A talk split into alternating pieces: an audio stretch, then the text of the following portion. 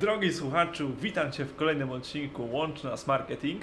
Dzisiaj powiemy o tym, dlaczego warto rozwijać markę osobistą, jeżeli jesteś osobą, która jest przedsiębiorcą lub zarządzasz ważnym działem marketingu czy sprzedaży w firmie.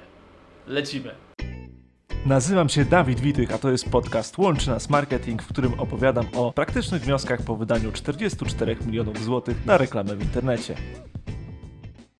Otóż wielu przedsiębiorcom, mikro, małym, wydaje się bardzo często, że trzeba pielęgnować tworzenie ładnego logotypu, pilnować identyfikacji wizualnej, czcionki, pokazywać, że my jesteśmy firmą, która osiągnęła takie i takie rezultaty i tak dalej, i tak dalej. Po prostu robiąc to, co tak naprawdę robią duże korporacje. I teraz, czy w XXI wieku można jako mała firma zdobyć zaufanie w sposób skalowalny, żeby pozyskiwać wciąż nowych klientów i wciąż nowych pracowników, rosnąc. Otóż moim zdaniem w tym momencie trzeba stawiać na markę osobistą, czyli na konkretną twarz, na konkretną osobę, która jest brand hero, twarzą firmy i swoimi wartościami, swoim eksperckim podejściem,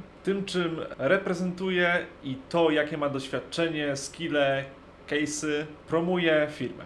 I zwróćmy uwagę, że jeżeli tworzymy materiały jakiekolwiek promocyjne naszej firmy, to nie powinniśmy w pierwszej kolejności dbać o to, aby na wizytówce było logo z odpowiednią czcionką znowu i z hasłami, które dotyczą ogółu. Tam powinna być nasza osoba, naszego brand hero. Zdjęcie jest dużo ważniejsze niż logotyp.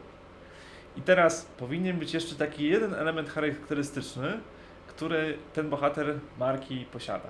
Zwróćmy uwagę, że czasami rozpoznajemy osobę dlatego, że na przykład nosi jakąś charakterystyczną czapkę, czy okulary, czy na przykład ma kolor włosów jakiś specyficzny. Ja na przykład osobiście, jak zwróciliście uwagę, staram się nosić odzież z naszym nadrukowanym logo. I jeżeli ktoś mnie ogląda, to kojarzy, oto ten gość od marketingu, który ma tą bluzę z logo, prawda? No właśnie, o to chodzi, żeby taki efekt osiągać, to jest taki swoisty remarketing, prawda, który przypomina nam o danym ekspercie.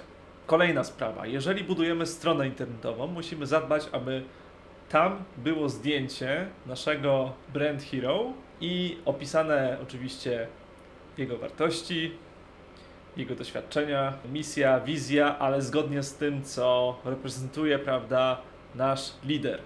To jest niezwykle istotne, bo liderzy, którzy budują markę osobistą, tworzą społeczności. Osoby, które chcą iść za nimi, dlatego że są wyjątkowi. I to jest właśnie ta przewaga, którą nie da się osiągnąć budując anonimowy brand. I teraz zwróćmy uwagę, że coraz więcej dużych firm również zaczyna inwestować w rozpoznawalne buzie osób, które budują zaufanie społeczne.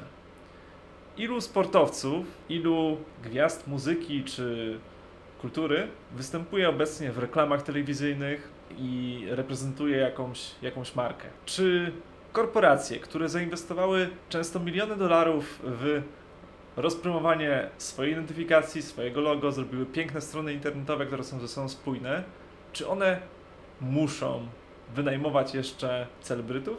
Tak, bo w XXI wieku, w naszej dekadzie, liczy się człowiek. Liczy się to, co sobą reprezentuje i liczy się pewna transparentność i zaufanie. I drogi słuchaczu, jesteś przedsiębiorcą, czy jesteś zarządzającym marketingiem, sprzedażą w firmie, chcesz się wyróżnić, chcesz przełamać zaufanie, zwiększyć skalę, postaw na markę osobistą. Gorąco polecam. Zapraszam do udostępniania, komentowania i do następnego odcinka. Dzięki, cześć.